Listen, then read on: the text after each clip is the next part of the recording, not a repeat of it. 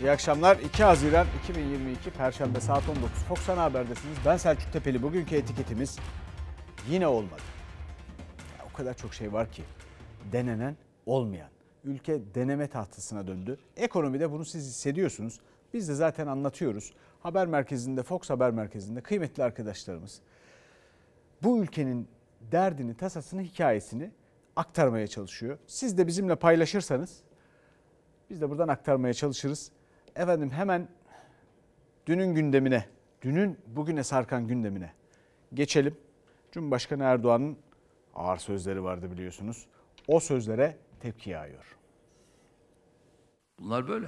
Bunlar çürük. Bunlar sürtük. Erdoğan milletimize seslenmişsin. Sürtükler, eşkıyalar, teröristler, çürükler, fukaralar havada uçuşmuş. Kadınlara küfreden sana bir tavsiyem olacak. Ağzını kapalı tutup insan sanılman, açıp tüm şüpheleri ortadan kaldırmandan iyidir. Sen cumhurbaşkanısın. Hepimizin cumhurbaşkanı olacağına yemin ettin. Bizim namuslarımıza haksız yere, hukuksuz yere iftira atan, el uzatan olduğu zaman o eli kırmak üzere yemin ettin. Namusun üzerine yemin ettin. Ve o yemini bozdun. Ama üzülme ablacığım. Az kaldı gidiyorlar. Cumhurbaşkanı Erdoğan'ın Gezi Parkı eylemlerine katılanlar için kurduğu ifadeler, peş peşe gelen tepkiler, o sözler siyasetin de gündeminde, sokağında. Siz bir anasınız, biz de anayız. Bizlere utanmadan meclisin kürsüsünden gezi olaylarında bulunan kadınlar sürtüktür dedi. Biz bunu kadınlar olarak kabul etmiyoruz. Edep yahu. Sen bu ülkenin cumhurbaşkanı olarak nasıl kendi vatandaşına hakaret edebilirsin? Hadi ilim irfan eksik diyelim. Bizim inancımızın temeli nezakettir, nezaket. Geziye katılan bütün kadınlara küfür eden bir cumhurbaşkanı bunu yanına kalacak kesinlikle zannetmesin. Halkın divanında bunun hesabı Recep Tayyip Erdoğan'dan sorulacaktır. Muhalefetin yüksek tondan tepki gösterdiği, herkesi de şaşırtan o ifadeleri Cumhurbaşkanı Erdoğan grup toplantısında meclis kürsüsünde söyledi. Gezi eylemlerinin yıl dönümünde 9 yıl önce ortaya atılan iddiayla birlikte. Caminin içinde bu eşkıyalar, bu teröristler bira şişeleriyle, bira kutularıyla adeta caminin içini pislemişti. Aslında bu yalanı 11 Haziran 2013'te söylemişti. Elimizde görüntüler var demişti. Aradan tam 9 yıl geçti. Elindeki görüntüleri hala yayınlamasını bekliyoruz. Bunlar için ulu mabet nedir, ne değildir? Böyle bir şey yok. İmam da dedi ki hayır orada içki içilmedi ben böyle bir şeye şahit olmadım dedi. Onlar Allah korkusu yüzünden yalan söylemeyi reddettiler. Cumhurbaşkanı Recep Tayyip Erdoğan yalan söylemeye devam ediyor. Milletine sürtük diyen bir cumhurbaşkanının itibarı söz konusu olamaz. Bunlar çürük, bunlar sürtük. Sürtük ifadesini sahibine iade ediyorum. Milletine hakaret eden biri bu milletin birliğini temsil edemez. Benim terbiyem müsait o, o sözleri söylemeye ama diyemedim. Bu ülkenin cumhurbaşkanı çiftçiye terörist dedi. Tenceremi kaynatamıyorum diyen insana nankör dedi, vicdansız dedi. Bu savcılara da sesleniyorum. Hakaret arıyorsanız saraya ve Erdoğan'a bakacaksınız. Muhalefet Erdoğan'a tepkisini sürdürürken diğer yandan da o ifadeleri yargıya taşıyor. CHP, TİP, HKP, Memleket Partisi Erdoğan hakkında suç duyurusunda bulundu. Ben bu konuda dün diyeceğimi dedim. Açın biraz geri sarın. Bakın derim. Asıl gündemi gömmek için açılmış bu derin polemik çukuru eğer içine atlanırsa çıkması zordur yani. Onu demeye çalıştım. Asıl gündemden bahis geliyor şimdi. Ekonomi. Dünden beri, evvelsi günden beri biliyorsunuz bir zam fırtınası yaşanıyor. Ekonomide modellerin hiçbiri tutmuyor. Yine olmadı. Zaten oradan geliyor bizim etiketimiz. Ama evvela iç politikadan devam edelim. Erdoğan ve Kılıçdaroğlu arasında, Cumhurbaşkanı Erdoğan ve Cumhuriyet Halk Partisi Genel Başkanı Kemal Kılıçdaroğlu arasında iki gündür dikkat çekici, hepimizin izlediği bir soru trafiği yaşanıyor. Bu kez Kılıçdaroğlu 10 soru sordu. Yüreği yetip 2023'te Cumhurbaşkanı adayı olacak mı, olmayacak mı? Var mısın yarın erken seçimi ilan etmeye? Aynı gün içinde adayımızı açıklayalım. Var mı sende o yürek Erdoğan? Erdoğan Kılıçdaroğlu'nun aday olup olmayacağını merak ediyordu. CHP lideri iktidarın erken seçim yapıp yapmayacağını. Sorular cevaplar karşılıklı gelip gitti. Adaylık da seçim de sonuca ulaşamadı. İktidar sahiplerinin gaflet içinde olduğunun da farkındayım. Kesin, kati, net cevap vermesini bekliyorum. Şayet bu delikanlılığı yaparsa kendisini siyaseten ve tıbben mazur görmekten vazgeçip muhatap olmaya başlayabiliriz. Erdoğan 10 soru sordu Kılıçdaroğlu'ndan 10 cevap aldı. Sorular arasında adaylık merakı vardı ama seçim güvenliği yoktu. CHP liderinin baskınıyla gündeme gelen Sadat bu kez Kılıçdaroğlu'nun Erdoğan'a yönelttiği 10 sorudan en dikkat çekeni oldu. 15 Temmuz'da kaybolan silahların bu paramiliter yapının elinde olduğunu biliyor musunuz? Onlara bu rolü kim verdi? Evinde Adnan Tanrıverdi ile ne konuştunuz? Bekledikleri Mehdi kim? Hiçbir alakam olmadığı halde bizim şu anda kullandığımız adeta darbeci bir oluşum olduğunu söyleyecek kadar bu başkan terbiyesizleşiyor. Erdoğan Sadat kurucusu Adnan Tanrıverdi'yi 2016 yılında baş danışmanı yapmış, saraydaki güvenlik zirvesi toplantılarında yer almıştı. Seçim güvenliği üzerinden Sadat tartışması yeniden açılınca Erdoğan Sadat'la ilgisini reddetti. Şimdi CHP liderinin yeni sorularına vereceği cevaba gözler çevrildi. Benim verilmeyecek hesabım yoktur. Birileri gibi değilim ben. Merkez Bankası rezervlerine kaçacak iddiasından yurt binasına kadar dönüp durması ancak bir projenin parçası olarak yapılabilir. Paravan vakıflar aracılığıyla çocukların yüzlerce milyon doları birbirine gönderiyor. Yurt kılıfı altında Manhattan'da gökdelen inşa ediliyor. Çiftlikler satın alınıyor. Ailece bir araya geldiğinizde birbirinizin yüzüne nasıl bakıyorsunuz? Bu zatı daha da çatlatacağız, daha da kıvrandıracağız. Kılıçdaroğlu Erdoğan'a damadın 128 milyar doları kimlere sattı sorusunu da sordu. Ekonomiyi batırdın. Niye aklı başında iktisatçılar seninle çalışmak istemiyor? Rusya, Amerika hakkında ne biliyor diye de sordu. Bu zat omurgasız. Çünkü bu zat bir proje. Çünkü bu zat bir aparat. Erdoğan'ın bu ağır sözleri de iki lideri yine davalık yaptı. Kılıçdaroğlu biçtiğim değer bu diyerek avukatından 5 paralık tazminat davası açılmasını istedi. Erdoğan'a 5 kuruşluk dava açıldı. Efendim geliyoruz, ekonomiye geliyoruz. Bugün yine zamlar var. Bugün karşılaştığımız, bugün tanıştığımız, gerçi her gün artık zamla uyanıyoruz ya. Bu ülkeyi yönetmek, üstelik böyle güzel insanları varken, bundan hiç kuşkunuz olmasın ha, onu da söyleyeyim. Bütün bu gündemin içinde sarf edilen bu sözleri işitip şüphe etmeyin kendinizden. Bu ülkenin insanları güzel, iyi insanlar. Büyük çoğunluğu böyledir.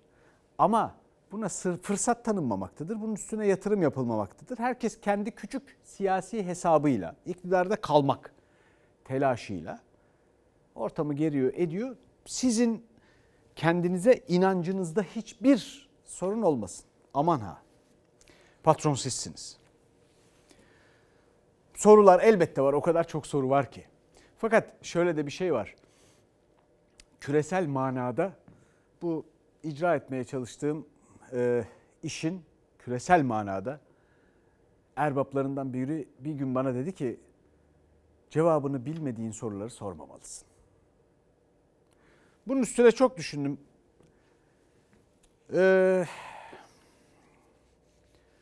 bir takım sonuçlara da vardım ama konunun gündemimizle bir alakası yok. Şimdi aklıma geldi. Efendim devam ediyoruz. Nereye geliyoruz şimdi? Efendim bir döviz üzerinden garantili projeler, e, efendim müteahhitler, e, e, onlara e, işte e, ödenecek paralar. Yani neredeyse bu memleket insanının telaffuz bile edemeyeceği yükseklikte paralardan bahsediyoruz. Bu kıt kanaat geçinmeye çalışırken bu ülkenin insanı verilen sözler, normalde çok daha ucuza yapılabilecekken yapılmayan projeler, daha pahalıya yapılan. Ha işe yarayacaklar mı? Elbet bir gün işe yarayacaklar. İşe yaramasını da şu an için birçoğunun beceremediler. O da ayrı konu. Fakat günün birinde muhakkak işe yarar. Bu memleketin, bu milletin insanının vergileriyle, emeğiyle yapılmış projelerdir. Boşa gitmez merak etmeyin. Doğru dürüst, akıllı, planlı, ve insanlarla paylaşılan onların gönüllerini de kazanacak. Hep birlikte yani hepimiz değilsek hiçbirimiz diye yola çıktığımızda girilecek bir süreçte hepsi işe yarayacaktır. Ama geldiğimiz nokta işte bu müteahhit cuntası meselesi. Orada bir atışma var. Müteahhitlerin parası. Cumhurbaşkanı Erdoğan diyor ki onların parası ile ilgili olarak Kemal Kılıçdaroğlu ödemeyeceğim diyor ya. E, şakır şakır ödemeye mecbursun diyor Cumhurbaşkanı Erdoğan. Cumhuriyet Halk Partisi Genel Başkanı Kemal Kılıçdaroğlu da hepsinin canını okuyacağız diyor. Ana muhalefet, yavru muhalefet. Müteahhitlere ödemeleri yapmayacağız. Ya siz ne cinssiniz ya? Söke söke bu ülkede yargı var. Şakır şakır ödemeye mecbursun. Paravan vakıflar, beşli çeteler, paramiliter yapılar milletimizin çıkarı değildir. Onlar olsa olsa senin ailenin ve kurduğu rejimin çıkarınadır. Aparatların hepsinin canını okuyacağız. CHP liderinin biz iktidara geldiğimizde diyerek 5 müteahhit için koyduğu nokta Cumhurbaşkanı Erdoğan'ın şakır şakır ödemeye mecbursun resti. Kılıçdaroğlu hepsinin canına okuyacağız dedi. İktidarla muhalefet arasındaki düello sertleşti. Müteahhitlere sesleniyorum. Bu işe giren müteahhit kendisini unutsun. Bu ülkede yargı var. Şakır şakır ödemeye mecbursun. Hiçbir şekilde biz bu paraları şakır şakır ödemek zorunda değiliz. O döviz garantili işlemlerin tamamını Türk lirasına çevireceğiz. Ya siz ne cinssiniz ya? Ya devlette devamlılık esastır. Bunu nasıl dersin? Gelecekteki Türkiye'de Türkiye'nin kaynaklarını hukuksuz bir şekilde el koyanlar, kendi çıkarları doğrultusunda kullananları da söke söke milletin her kuruşunu alacağız. Kimi zaman aldıkları ihalelerle, kimi zaman ödeme garantili projelerle sık sık muhalefetin hedefinde 5 müteahhit. CHP lideri iktidar değişikliğiyle hesap soracağız mesajını veriyor her adreste. Erdoğansa müteahhitlere arka çıktı son grup toplantısında. Devlette devamlılık esastır dedi, siyaset ısındı. Milletin ödediği vergileri yandaşına yediren, devletin kaynaklarını peşkeş çeken, beşli çetesini beslemekle övünen harami bir düzen. O parayı bu güzel ülkemize geri kazandıracağız. Sizin gözünüzün yaşına bakan namerttir. CHP'nin milletvekili olmuş olan müteahhitlere bu CHP'li müteahhittir. Ben buna ödeme yapmam demedik ya. Hepsinin ödemesini şakır şakır yaptık. Ya Recep Tayyip Erdoğan yandaşlarının beşli çetenin alacakları olduğu zaman mı aklına hukuk geldi? Ne oldu? Çünkü sen gideceğini biliyorsun. Arkadan ayar veriyorsun. Eğer iktidar olur, onlardan bu hesabı soramaz isek, o iktidarda bize haram olsun. Söz konusu 5 şirket dünyada kamudan en fazla ihale alanlar listesinde ilk 10'da ama yap işlet devret modeliyle bu firmalara yolcu, geçiş garantili ihaleler verilmesi, köprülerden, otoyollardan geçmeyen araçların dahi garanti kapsamına hazineden ödenmesine ses yükseltiyor muhalefet. Kamulaştırma resti çekiyor. İktidar değişimi gerçekleştiğinde dosyalar bağımsız yargıya intikal ettirilecek. Diğer taraftan da devletten haksız kazanç sağlayan bu müteahhitler masaya davet edilecek. Fiyatlar makul bir seviyeye çekilmeye çalışılacak. Uluslararası tahkime götürmek gerekirse uluslararası tahkime götüreceğiz. Şu konu asla unutulmasın. Altını çiziyorum, belki de bıktırıyorum, kafanızı şişiriyorum. Ama her türlü ayıplanmayı göze alarak da söylemeye devam ediyorum. Bakın bu ülke tenceresinin dolmasıyla değil, Avrupalı kadar zengin olmasıyla ödüllendirilecek bir ülkedir.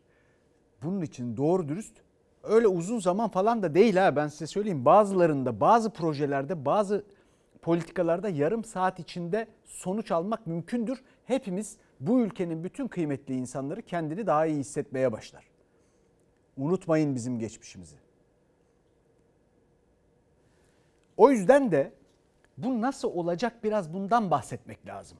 Bütün bu efendim bir yere varmayan tartışmaların ötesinde şu kadar sürede, şu kadar günde şunları yaparak hep birlikte şu noktaya ulaşacağız demek o kadar zor iş değil. Onu da ben mi söyleyeceğim ya?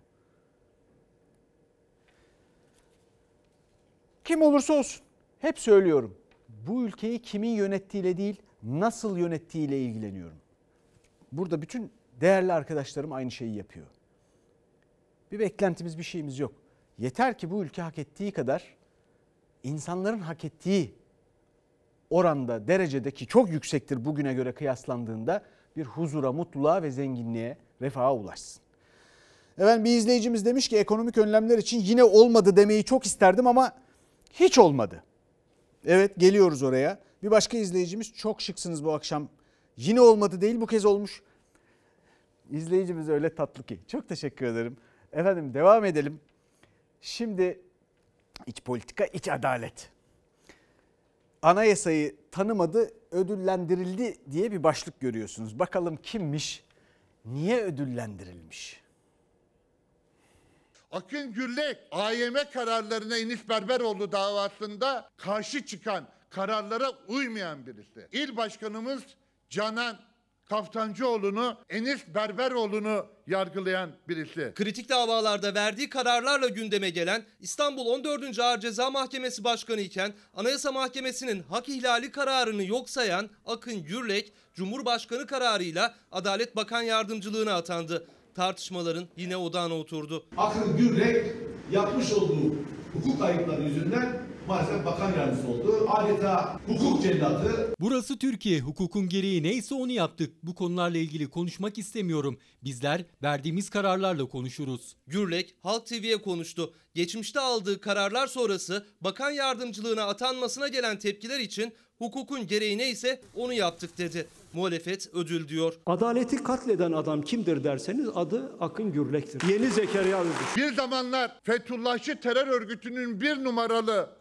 savcısı Zekeriya Öz'ün arkasında duran Recep Tayyip Erdoğan şimdi Akın Gürlek'in arkasında dimdik durmaya devam ediyor. Sözcü gazetesi yazarları Selahattin Demirtaş en son Canan Kaftancıoğlu'na verilen cezalar Gürley'in başkanı olduğu mahkemeden çıktı. Anayasa Mahkemesi'nin Enis Berberoğlu hakkında oy birliğiyle verdiği hak ihlali kararına direnmesi, tahliye kararını uygulamaması çok tartışılmıştı. Dönemin Adalet Bakanı Abdülhamit Gül de Anayasa Mahkemesi Başkanı Zühtü Arslan da ses yükseltmişti. Anayasa Mahkemesi anayasaya aykırılık konusunda bir karar verdikten sonra bu aykırılıkta ısrar anayasanın kasten ihlalidir. Herkesin Anayasa Mahkemesi kararlarına uyması hukukun emredici hükmüdür ve hukuk devletinin bir gereğidir. Tartışmalar sürerken Akın Gürlek geçtiğimiz yıl birinci sınıf hakimliğe terfi ettirilmişti.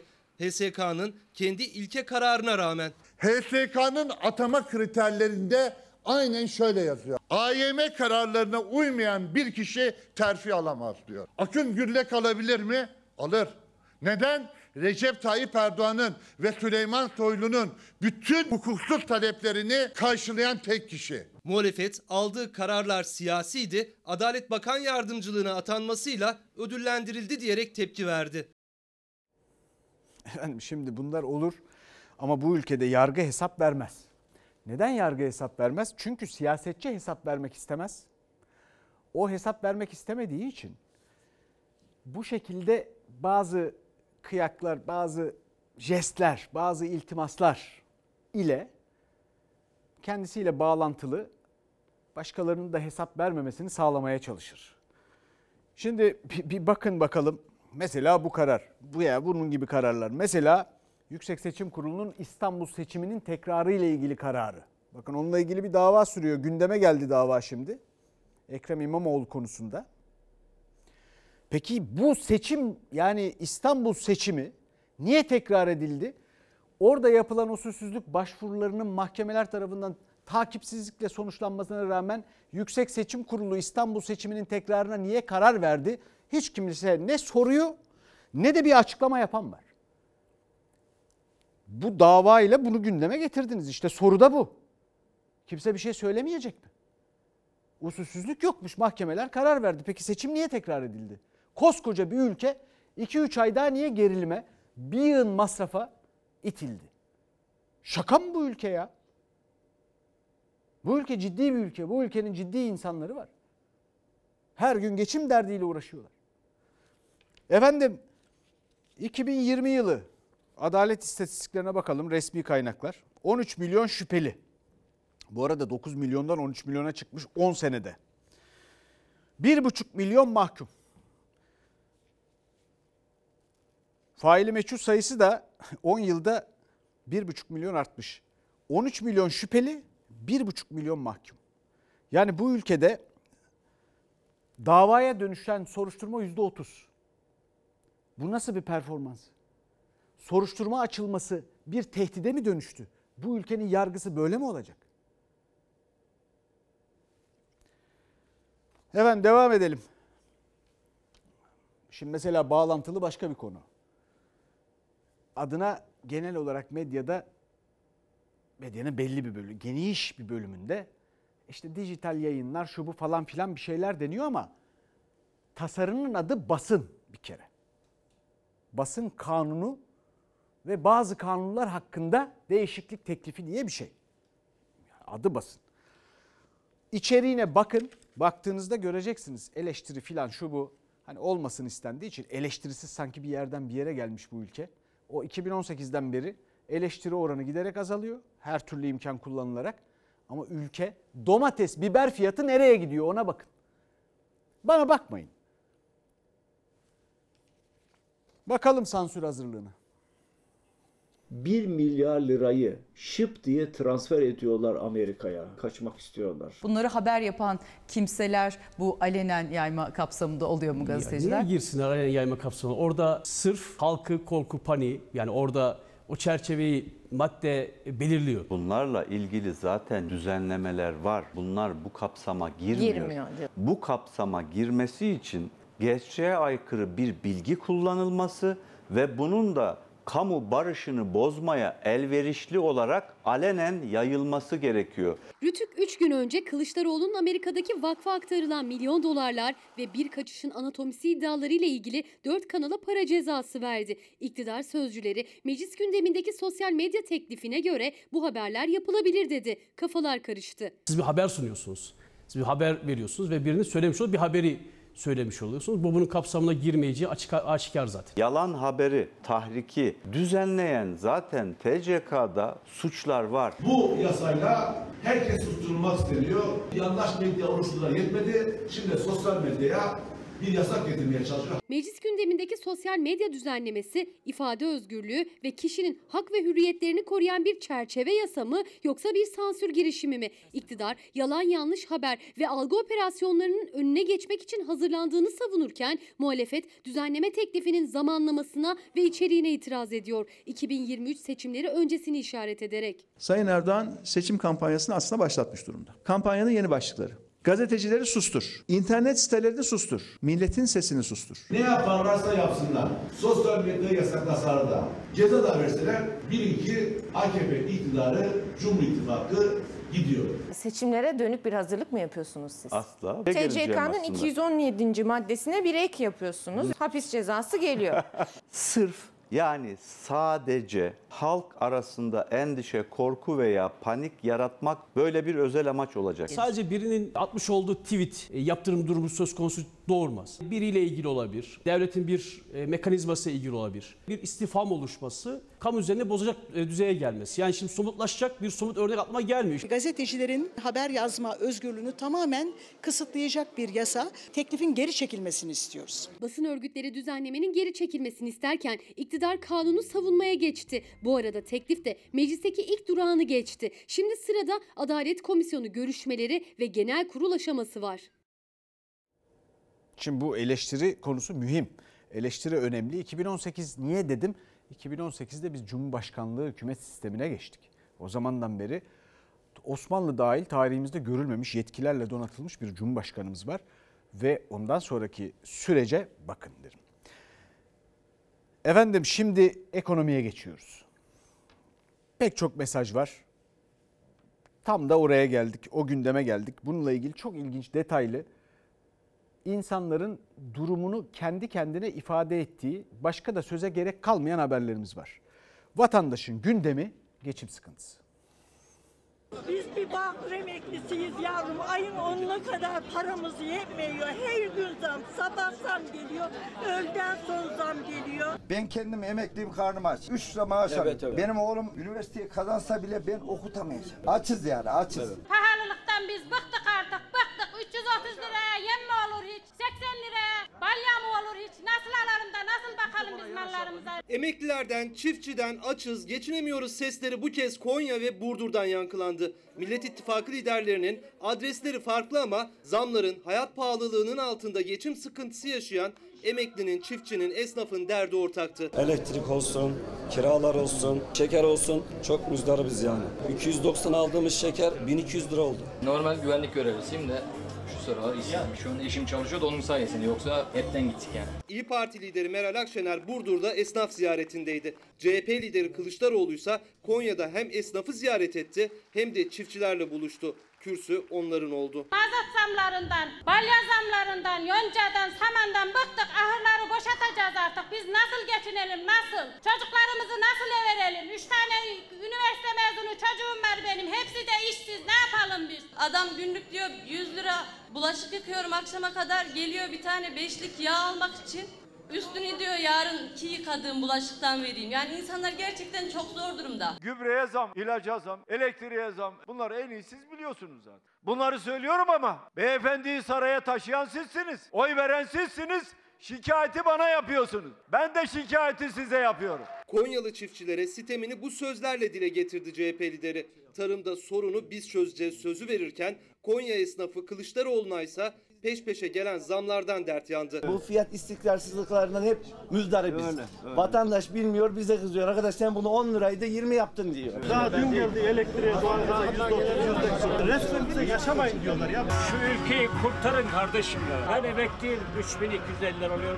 Geçinemiyorum. 5 ekmek alırken insanlar zorunda gidiyor. 15 lira para vermek. Kuru ekmek bile lükse kaçıyor. Senin çocuğun umutsuz bir biçimde iş bulamadan oturursa buna karşılık 5 maaş, 10 maaş, 15 maaş alan danışmanlar varsa Allah bana bunların bütün hortumlarını kesmeyi nasip etsin. Esnafın, emeklinin, çiftçinin geçinemiyoruz feryadı sonrası liderler çözüm için bir kez daha sandığı işaret etti. Bir izleyicimiz yeni olmadı e, emekliye söz verdiler. Emekli maaşlarını gündeme getirin unutmayın demiş. E, 30 gün oldu bir söz verdiler üstünden geçti hiç anan yok. Bahseden yok. Efendim vatandaşın gündemi geçim derdi geçim sıkıntısı. Hazine ve Maliye Bakanı Nurettin Nebati'ninki ne? 27 Aralık'tan beri 6 ay uyusak uyansak demişti. 25 gün kaldı. Dün 21 dedim galiba ben. Bakalım işte. E, fakat o model, o ışıltılı model oldu mu? Olmadı. 2022 yılının ilk 5 ayının tamamında en yüksek aylık ihracat değerlerine ulaşarak ilk 5 ayda rekorlar kırmış olduk. Hükümet ve ekonomi yönetimi bir hayal dünyası yaşıyor. Gerçeklerden kopmuş, gerçeklerle alakası yok, rakamların hiçbirini görmüyor. Dış ticaret rakamlarını açıklarken ihracatta 5 ayda 5 rekor kırdık dedi Ticaret Bakanı. Uzmanlarsa madalyonun bir de ithalat yüzü var dedi. Mayıs ayında ihracat %15 arttı, 19 milyar dolara ulaştı. İthalattaki artışsa %43, 29.7 milyar dolarlık ithalatla dış ticaret açığında yeni rekor geldi. Önceki yıla göre açık %157 arttı. İthalatla ihracat arasındaki bu makasın açık olması ne anlama geliyor? Türkiye'nin döviz ihtiyacı artarak devam ediyor. Türkiye'nin döviz ihtiyacını karşılayacak da herhangi bir alanımız yok. Çünkü dışarıdan borçlanmaya gittiğiniz zaman döviz borçlanmasının faizi yüzde dokuz onlara gel. Biz bunu yüzde beşlerden borçlanıyorduk. Faiz sebep, enflasyon neticedir. Bu da benim tezimdir. Ağustos 2021'de %19 olan faizi Merkez Bankası kademeli olarak %14'e düşürdü. O tarihte dolar kuru 9 liranın altındaydı. Artık 16 lira 46 kuruş. Enflasyonsa %19'dan %69'a yükseldi. Türkiye'nin ise hem dış borçlanma faizi arttı hem de dış ticaret açığı azalacak umudu bir türlü gerçekleşmedi. Faizi neden düşürdüğümüzün cevabı hiçbir yerde yok. Kredi faizleri 19-20'lerden 28-29'lara çıktı, 30'lara çıktı. Piyasada faizler düşmedi ki. Piyasada faizleri yükselttiler, kuru yükselttiler. Hani hep de hayal edersiniz de şöyle bir uyusam da 6 ay sonra uyansam diye. Bir uyuyun 6 ay sonra uyanın Türkiye'de. Çok farklı siz. noktalara gideceğiz. Çok farklı noktalara. Hazine ve Maliye Bakanı'nın işaret ettiği 6 ayın dolmasına 25 gün kaldı. 27 Aralık 2021'de bakan bu sözleri söylediğinde dolar 11 lira 39 kuruştu. Türkiye koptu gidiyor. Türkiye cari fazlaya doğru gidiyor. Cari açıkta yaklaşık yüzde 200 seviyesinde artarak devam ediyor. Siz Sayın Bakan'ın 3-5 ay sonraki bir tahminini okuyorsunuz. Bunlar bir gün sonrasını tahmin edemiyorlar ki. Bunların kafası basmaz. Ben ekonomistim. Ekonomi yazarı İbrahim Kahveci'ye göre ekonomide modeller tutmadığı gibi yükü sırtlayan yine halk oldu. E o zaman kuru niye 8 liradan 16 liraya çıkardık? Bunca kuru artışı nereye gitti? Hani ithal ürünler pahalaşacaktı, ithal ürün tüketimi azalacak, ihracatımız artacak, yatırım, üretim, istihdamla ekonomi büyüyecekti. Hepsi yalan. Bütün maliyet topluma bindi, hiçbir fayda yok. Bunları hep anlattık. Keşke bu iktidar değerlendirse, memleket insanı biraz rahat etse. Onlar da en azından bir prim yapsaydı, kendince bir avantaj kazansaydı. insanların faydasına bir durum oluşsaydı. Ama bakmıyorlar öyle şeylere. Mesela Türkiye'yi, dünyayı kıyaslıyorlar. Rakamlara bakıyoruz. Akaryakıtta bu sabah bir takım zamlarla karşılaştık yine.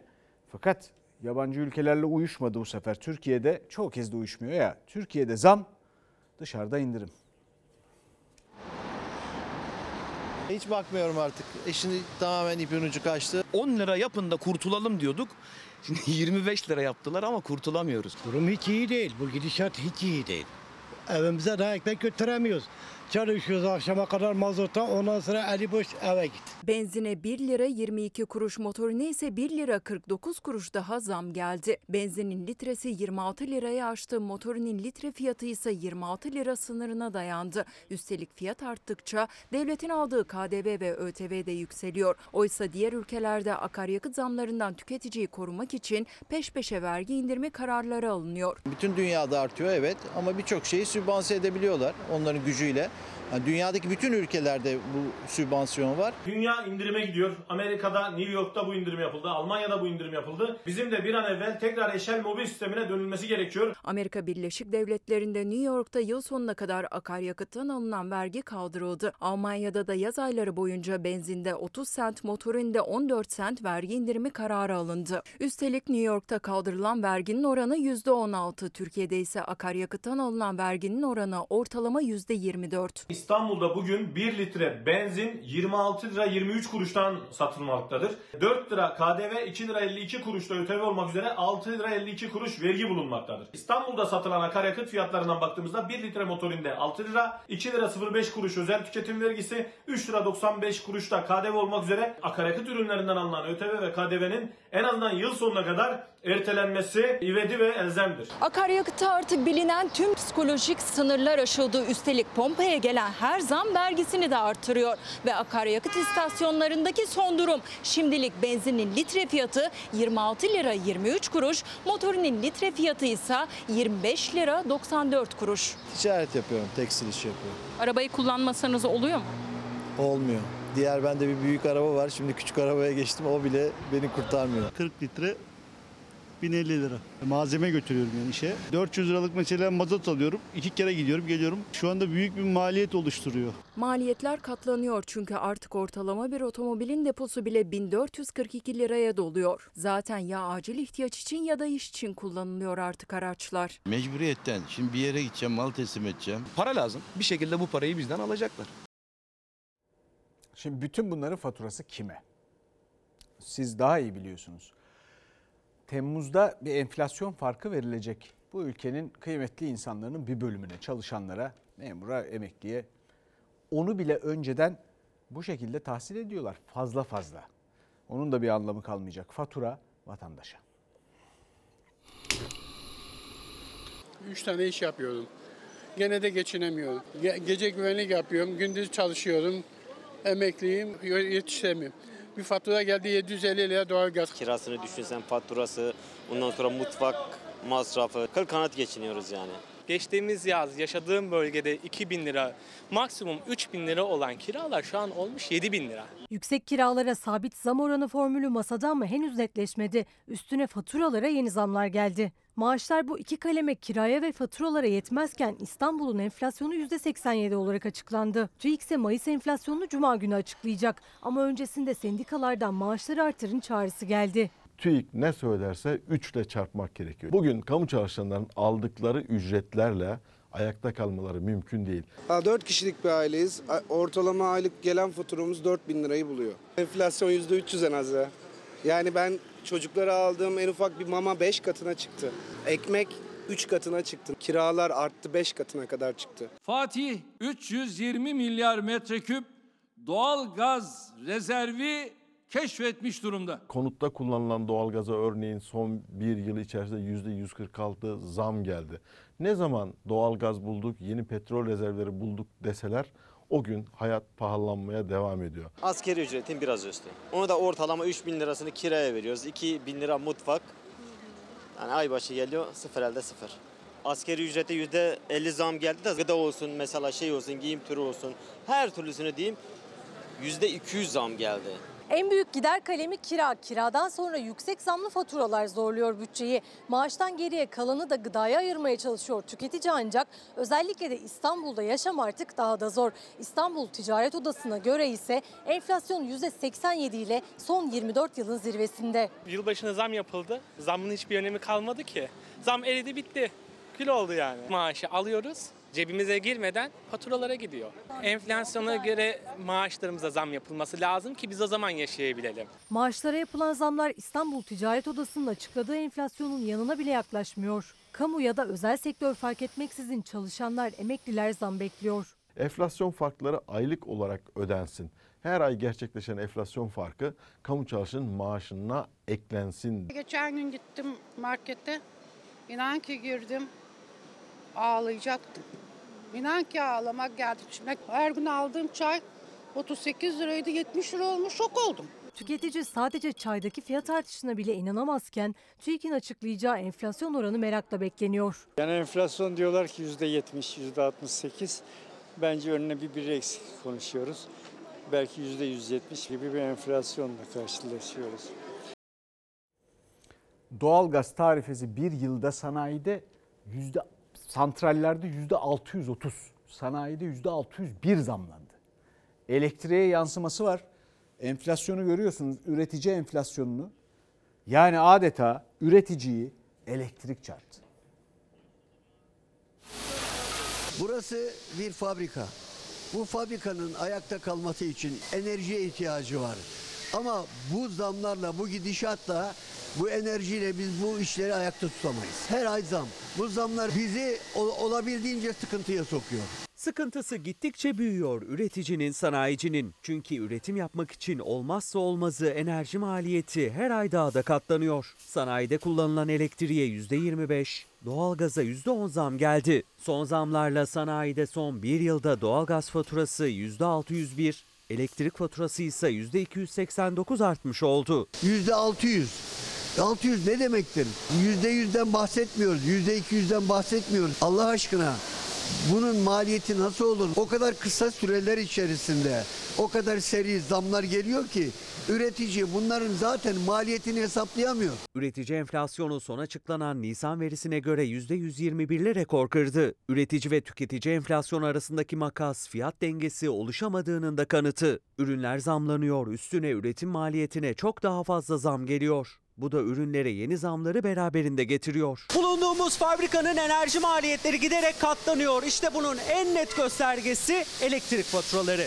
Son fatura fabrikaya 926 bin lira geldi. Oysa geçen yıl bu ay bu fatura 336 bin liraydı. Hiç olmazsa enerjinin KDV'si sanayici için alınmazsa bu bir yardımdır. Hiç olmazsa 8'e indirin. Sanayiciye gelen zam herkese etkiliyor. Bu fabrikada üretilen 2 litrelik yoğurt kabı geçtiğimiz yıl 1 lira 40 kuruşa mal ediliyordu. Ama döviz artışına bağlı ham madde zammıyla birlikte aynı fabrikada aynı kap şimdi 2 lira 20 kuruşa mal ediliyor. Gelelim bugüne Ekim ayında 2 litrelik yoğurt kovası 2 lira 20 kuruşa mal edilirken bugün maliyet artışı ile birlikte 3 liraya üretiliyor artık. Maliyet artışının sembolü haline gelen 2 kilogramlık yoğurt kovası özellikle son enerji zamlarından sonra bu fabrikada 4 lira 70 kuruşa üretiliyor. Yoğurt kovası evet gerçekten sembol oldu. Niye sembol? Düşünün Türkiye'de herkesin evine yoğurt kovası giriyor. Ya bunların maliyetini yükseltmemek lazım. Hesap kitap yapılmadan zamlar yapılırsa neticede bunun e, maliyetinin yükselmesini önleyemeyiz. Vatandaşı da sıkıntıya sokarız. Sadece elektrik ve doğalgazda değil, nakliye masrafları da bir yılda motorine gelen %258'lik artışla katlandı sanayici için. Üretim maliyetini her ay yeniden hesaplamak zorunda kalan sanayici Abdullah Teber, artık zam değil teşvik bekliyoruz dedi. Teşvik edeceğinize sürekli zamlarla yatırımcının canını sıkarsanız, üzerseniz o ülkede ne kalkınma olur ne yatırım olur. Bir ülke üretmeden nasıl kalkınabilir? Abdullah Teber bizim güzel filmlerimizdeki Hulusi Kentmen karakteri gibi. Babacan sabırlı ve ısrarcı bir sanayici. Efendim bir de çiftçimize bakalım. Onlar da sabırlı uğraşıyorlar fakat bir soruları var. Buğday fiyatı hala açıklanmadı. Ellere var bize yok mu? Üretici bir şekilde henüz adı konmamış ürününü biçerken ürününü depolara emanete veriyor. alım fiyatları hasattan 15 gün ön- önce açıklanacak diye böyle bir uygulaması vardı. Fiyatın açıklanmasında bir gecikme var. Traktörün marşına basmaya artık korkuyoruz. Üretici marşa bastığı an borç katlanıyor. Gübre, mazot, ilaç fiyatları yüksek. Çiftçi kullanması gerekenden az gübreyle zor ekti buğdayını hasat vakti geldi. Ancak Toprak Mahsulleri Ofisi hala buğday alım fiyatını açıklamadı. Üretici tüccar ne verirse ona razı olmak zorunda kaldı. Hasata girmişim. Fiyatın ne olduğunu bilmiyorum. Götürüp tüccara veriyorum. Yarın beni tüccar boğacak. Çiftçi bu buğdaydan alacağı parayla sadece geçimini sağlamayacak. Gelecek sonbaharda da yeniden buğday ekecek. 8 lira olmasını bekliyoruz. 8 lira bizi kurtarır gibi. Üreticinin ton başına beklentisi 8 bin lira. İthalata harcanan para yerine yerli ürüne maliyetleri kurtaracak bir fiyat bekliyorlar. Geçen yıl 2250 lira fiyat biçilmişti yerli buğdaya. Ancak ithalata ödenen ton başına 6 bin lirayı buldu. Ben tüccara götürüp, götürüp döküyorum döküyorum geliyorum. Artık vicdan tüccarın elinde. Ama şimdiden devlet hükümetimiz fiyatını açıklamış olsaydı ben en azından bilirdim ben ürünümü ben bu fiyattan satıyorum kardeşim. Geçen yıl hasattan 15 gün önce 17 Mayıs'ta belirlenmişti buğday alım fiyatı. Bu yıl öyle olmadı. Yüksek maliyetlerle başa çıkmaya çalışan üreticiyi bir de fiyat belirsizliği vurdu. Geçen yıl 1 kilosu 3 lira olan gübre bu yıl 18,5 lira. Motorun 7 lira 23 kuruştan 25 lira 94 kuruşa çıktı. 45 liralık ilaç 182 lira oldu. Girdilerin fazla yüksek olması nedeniyle ürünlerimize gerekli hizmeti vere, veremiyoruz. Ne yazık ki bu gübrelerin yüksek oluşundan e, mahsullerimize yeterli şekilde e, gübreyi atamadığımızdan e, ürünümüzü düşük alıyoruz. Geçen sene 600-700 kilo civarında alınırken bu sene 250-300 kilo civarında buğday alınıyor. Adana'da hasata başlayan üretici geçen yılın yarısı kadar ürün toplayabildi. Çünkü az gübre az verim demek. Maliyet arttıkça, verim düştükçe önce un sonra da ekmek fiyatları zamlanıyor. Bunun önüne geçebilmek için TMO bir süredir ithal ettiği buğdayı un fabrikalarına ucuza satıyor, ekmek fiyatlarını kontrol altında tutmayı hedefliyordu. 31 Mayıs'ta son bulan uygulama yeniden uzatıldı. Hasat döneminde bunun devam etmesi beklenmiyordu çok fazla. Çünkü e, üreticinin buğdayını daha değerinde satması için sadece üreticiye değil, üretici de, tüketici de hepimiz bunu biz hazine olarak, e, görev zararı olarak ödüyoruz açıkçası. İnşallah bu sesimiz duyulur. İlerideki dönemde inanın, inanın biz bu arazilerimizi kullanamayacağız. O vaziyete geldik yani. Başka ülkenin çiftçisine vakit geliyor 3 katını veriyorsun. Kendi çiftçine vermiyorsun. Şimdi İzmir'e gidiyoruz. İzmir'de depremzedeye rapor çilesi.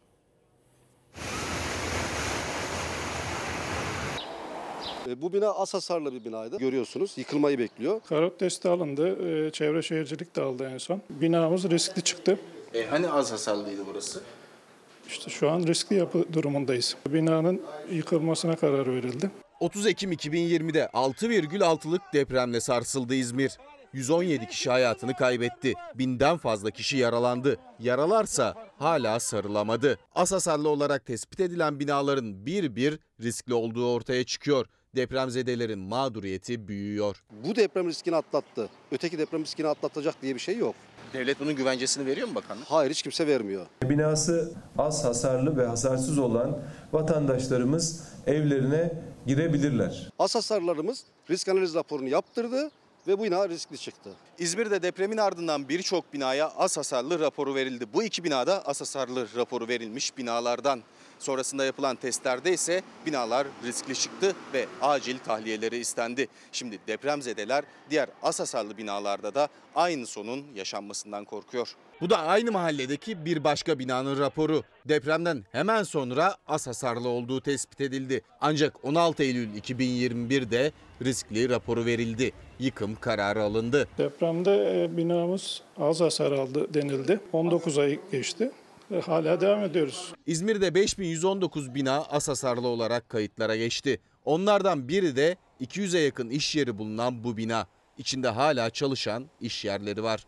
İşte depremin ardından az denilen bir binanın içindeyiz. İşin kötü tarafı buradaki iş yerleri bina az diyerek aylarca çalışmaya devam ettiler. Aylar sonra yapılan testlerde binanın riskli olduğu ortaya çıktı ve yıkım kararı verildi. Zaten duvarlar da tamamen çatlamış durumda. Tuğlalar birbirinden ayrılmış ve artık betonu elle bile parçalanabiliyor. Az hasarlı binalar karot testinde riskli çıksa da devlet o dairelerin sahiplerini depremzede olarak görmüyor. Binaların yıkılıp yeniden yapılması gerekiyor ama destek alamıyorlar. Evlerini yenileyebilmek için kentsel dönüşümde olduğu gibi yüz binlerce lira borcun altına girip yüksek faiz ödemek zorundalar. Ben 400 bin liralık kentsel dönüşüm kredisini geri ödeyebilmem için 10 yılda aylık 8400 lira ödemem lazım. Mümkün değil. Yani ben emekli bir astsubayım. Şimdi bir ara efendim.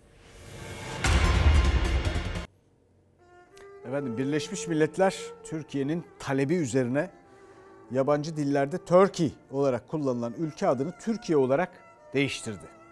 Geçen yıl burada bu garipler gündeme getirdi. Bunun bu başvurunun yapılması gerektiğini söyledi. Turkey'nin etimolojik kökeni neymiş? Türkiye olarak değiştirildi. Birleşmiş Milletler kabul edecek dedik.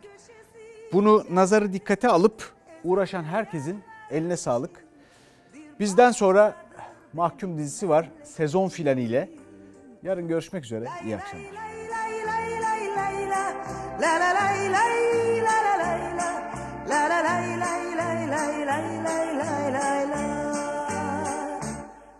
Anadolu bir yanda